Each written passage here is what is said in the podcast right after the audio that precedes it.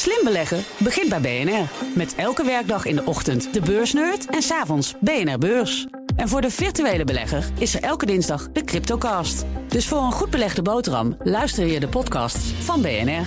Blijf scherp. Als correspondent in Amerika maakte hij de economische crisis mee... net als de verkiezingen van Obama, Trump en Biden.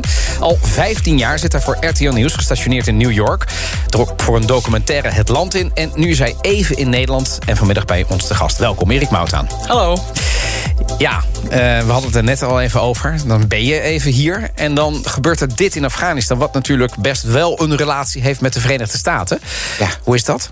Nou ja, dan zit je even van, uh, jeetje, hoe gaan we dit uh, doen? En kan ik aanschuiven in uitzendingen? En uh, kan ik het nieuws duiden vanuit, vanuit Nederland? Want het is natuurlijk gewoon schokkend wat er gebeurt. Ja. En direct gevolg van de beslissing van Biden om weg te gaan. Ja, um, hoe wordt er eigenlijk in Amerika gekeken naar die zegentocht van de Taliban? Want wij zitten hier natuurlijk allemaal. Bedoel, we vertrouwen een beetje op de Amerikaanse inlichting. Die zeiden nou nog 30 dagen, dan zouden ze er kunnen zijn.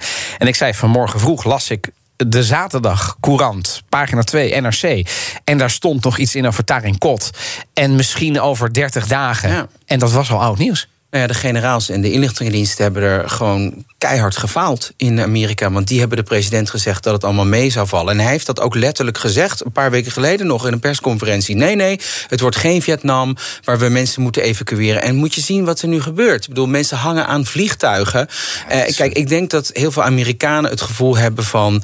wacht eens even, we stonden achter Joe Biden toen hij besloot weg te gaan uit Afghanistan. En vergis je niet, hè, Donald Trump, die had het akkoord gesloten met de Taliban. Die had de deal gemaakt. Hij had gezegd, wij gaan weg. En uh, ik komt er vast een datum aan. Dus ook als Trump er nog had gezeten, was dit ook gebeurd. Amerika was weggegaan. Ondanks de legislation, dat maakt niks uit. De Amerikanen waren sowieso weggegaan. Ja. Maar de Taliban hebben ook wel meteen aangekondigd... dan beginnen wij een offensief ergens in. Juist, en de, en de hoop was kennelijk van de Amerikanen dat het mee zou vallen. Dat de Taliban niet zo snel zouden zijn. Ja. Maar dan hoor je van Amerikaanse mensen die zeggen: ja, maar wacht even. Ja, je kan wel zeggen dat heeft Biden verkeerd ingeschat. Maar waarom deden die Afghanen niks? Er zit een leger daar dat voor 83 miljard is opgeleid. En de politie en de inlichtingendiensten. Hebben wij allemaal, ook Nederland heeft daaraan meegeholpen. Eh, eh, wat denk je dat het mensen daar? Wat denk je dat het antwoord daarop kan zijn? Nou ja, de vraag is waarom zou je trouw zijn uh, aan een land als bijvoorbeeld we horen dat de soldaten de afgelopen maanden niet betaald zijn door de regering, de Afghaanse regering, en dat, uh, ja, dat je helemaal geen banden meer hebt. Dat zijn er toch een stel corrupte mensen daar vaak, die leiders van Afghanistan. De vorige president Karzai was dat van bekend.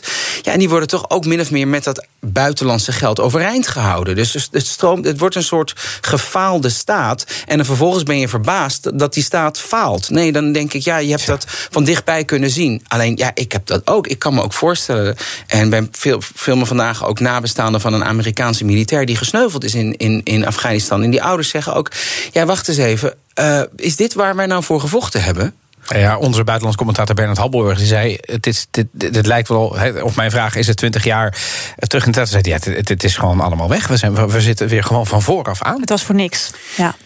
Is, nou ja, kijk, je dat, de Amerikaanse regering, boodschap? De Amerikaanse regering zegt dan: luister, de, Taliban, de, de Al-Qaeda is niet meer onderdeel uh, van de Taliban in Afghanistan. Maar goed, dat, hadden, dat was binnen een half jaar geregeld. En waar ik me van twintig jaar lang is ons verteld: we moeten daar blijven. We kunnen daar niet weg. Het is te gevaarlijk ook voor ons in het Westen als we daar weggaan. Wij lopen gevaar, er komt hier terreur. En opeens doet dat argument er niet toe. De boel stort in de een en zeggen ze: nou ja, in ieder geval hebben we Osama te pakken gehad. denk ik, ja, dan sla je bij een hele hoop over. Ja. De Amerikaanse minister van Buitenlandse Zaken, Blinken, die zei eerder op CNN het volgende. On the terms that we went into Afghanistan in the first place, we've succeeded in achieving our objectives. Uh, when the president uh, came to office, he had a decision to make. Uh, the previous administration negotiated an agreement with the Taliban that said that our forces, our remaining forces, only about 2,500, would be out of the country uh, on May 1st.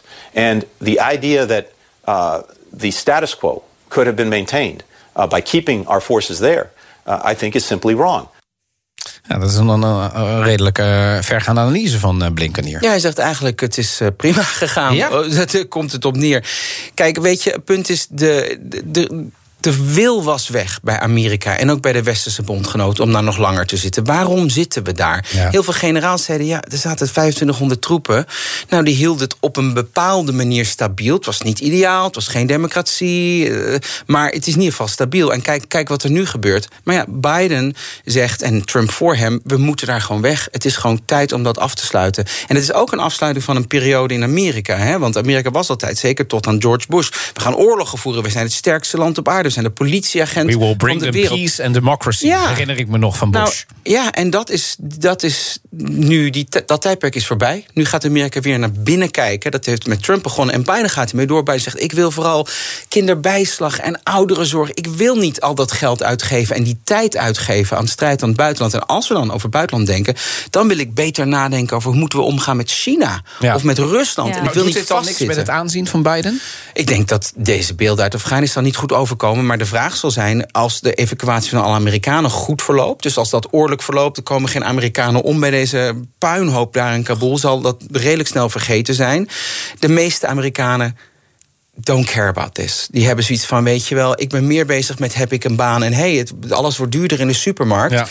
Zolang er maar niemand doodgaat, mm. of een Amerikanen doodgaan in Afghanistan... vinden ze het niet zo erg. En, Biden is ook heel, heel stil, hè? Je, je eigenlijk weinig statement. Is We verwachten later vandaag of morgen een speech... want het is echt bizar dat hij nog niks van zich heeft laten horen op camera. Hij heeft dan een statement uitgegeven. En uh, ja, ik denk dat uh, hij toch erop gokt... dat de meeste Amerikanen gewoon niet zozeer mee bezig zijn... als het, als, als het hierbij als het hierbij blijft. En ze zeggen natuurlijk, als de Taliban toch weer onderdak gaat geven aan terroristen... Nou, dan hebben we honderd vliegtuigen die ze plat kunnen bombarderen. Ja. Even over jezelf, want je bent al 15 jaar correspondent voor RTO Nieuws in New York. Dan spraken wij net heel toevallig een andere ex-correspondent, moet ik zeggen, Niels Postumus, Zuid-Afrika. Uh, en die zei, ja, uh, op een gegeven moment, na 8,5 jaar komen de verhalen en dan denk je, ja, die heb ik al een keer gemaakt. En toen dacht ik, hé, hey, maar we spreken Erik zo, die heeft ongeveer de dubbele periode. um, je kan elk verhaal op een andere manier vertellen of een andere invalshoek. Ik probeer echt, als ik denk van, oh, we, we maken weer een verhaal over klimaat of zo, dan zeg ik, oké, dit hebben we eerder gemaakt, hoe passen we het nu aan? En el, het nieuws is steeds dat zoek je dan ook echt op van ja. iets wat je in 2007 hebt gedaan? Dan kijk ik terug en dan zeg ik ook, nou, ik snap wel dat niet iedereen dat onthouden heeft van wat we toen gemaakt hebben. Maar ik wil wel dat het een aanvullend, aanvullend iets is. En het mooie van deze post is dat je natuurlijk ook uh, die discussies in Amerika lopen vaak iets voor op wat er in Nederland gebeurt. Als je kijkt naar het koloniale verleden of over eh, Black Lives Matters. En dus op een bepaalde manier kan je ook meedenken over hoe Nederland praat. Omdat je dus zelf de items maakt en zegt van hé, hey, zo praten ze hierover. Um, de NOS die wisselt wat vaker van correspondent. Want die zeggen ja, maar uh, dat, dat is goed voor de frisse blik. En hoe, hoe, hoe kijk je daar naar je collega's? Uh, nou, het, het, is zeker hun goed recht om dat te doen. En, ik, maar ben je het eens met die inhoud? reden nou om dat te ik vind, ik moet je zeggen, als ik er iedere keer als er weer een nieuwe wet wordt gelanceerd voor de immigratiestatus van, van ongedocumenteerden, dan denk ik, ja, ik heb het al drie keer meegemaakt en ik weet precies waar de pijnpunten zitten. Dus ik denk dat meer ervaring en meer kennis een pluspunt kan zijn, zolang je fris blijft en de band houdt met Nederland en gewoon niet ingezakt wordt en denkt van het is wel goed zo. Dus, dus het is vooral, je moet de energie ook en zien netwerk, te houden. Want jij hebt natuurlijk in 15 jaar heel veel kunnen opbouwen. Ja, maar weet je wat het gek is? Misschien niet kunnen. Ja, maar ik, heb, ik ga over heel Noord-Amerika. Dus het is niet alsof ik zeg maar op één heel kleine positie zit waar ik één of drie uh, hoofdrolspelers kan spreken. Dus een netwerk. Ja, de ene dag ben ik in Alaska aan het kijken naar smeltende gletsjers. En de volgende dag praat ik op de beurs.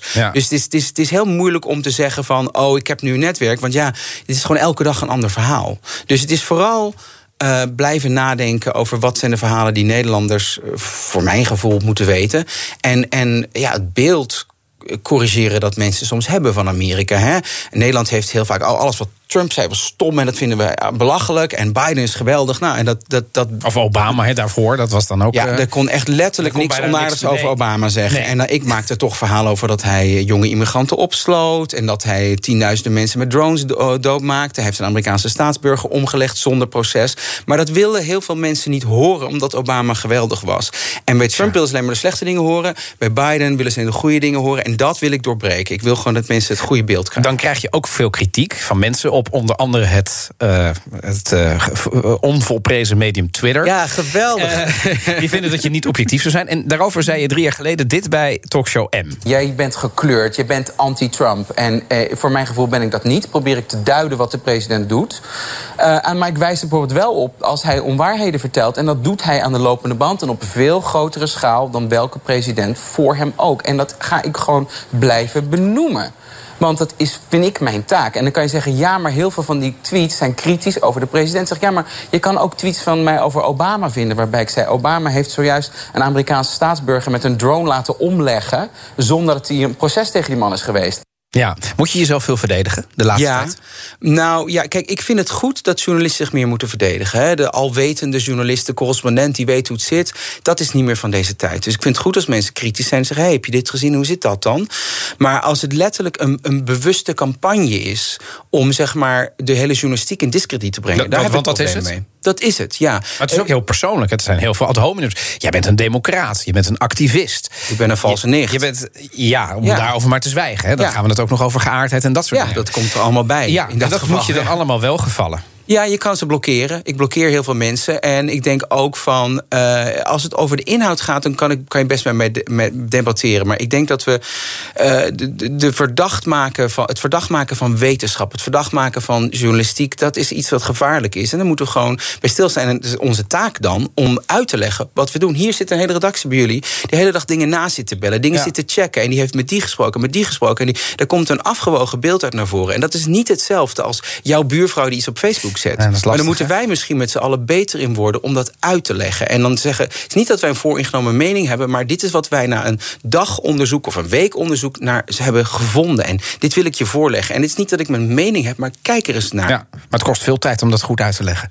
Ja, maar het is wel de uitdaging. En dat is het leukste wat er is. Ik vind het leukste is om, om iets ingewikkelds begrijpelijk te maken en, en aantrekkelijk te maken dat mensen het willen zien. Weet dat is de drive. Ja, dat is het. Hoe lang ga je nog door? Uh, ik heb net bijgetekend. Het eerste die ik, waar ik het vertel. Dus ik ben er nog een paar jaar. Zeker een paar jaar in New York. Nou ja. Uh, en voor hoe lang mag je tekenen? Daar ben ik ook wel benieuwd huh? naar. Voor hoe lang mag je tekenen? Uh, vijf jaar. Nou, top. Dus je gaat de 20 jaar halen. Oh my god, ik, ik weet het niet. dat is toch waar het zit? Tenzij ik iets anders ga doen. Nee, ik, ik, ik, zit voorlopig nog op mijn post. Ik heb nog heel veel energie en uh, ik heb er nog zin in. En zolang RTL mij er nog graag ziet zitten, dan uh, blijf ik er. Dankjewel. Erik Mouthaan, Amerika-correspondent. De komende vijf jaar nog horen we hier voor RTL Nieuws. Dank je. BNR Headlines. De hele dag binnen- en buitenlandse politiek. In Nederland hebben we geen munitiefabrieken. De hele dag economie. Vijf dagen in de week bezorgen, dat kan niet uit. De hele dag technologie. Amerikanen weer op de maan. Heb je eigenlijk geen tijd, maar wil je toch op de hoogte blijven? BNR Headlines. Het laatste nieuws, maar dan in het kort. Ga naar je podcast-app en abonneer je op BNR Headlines.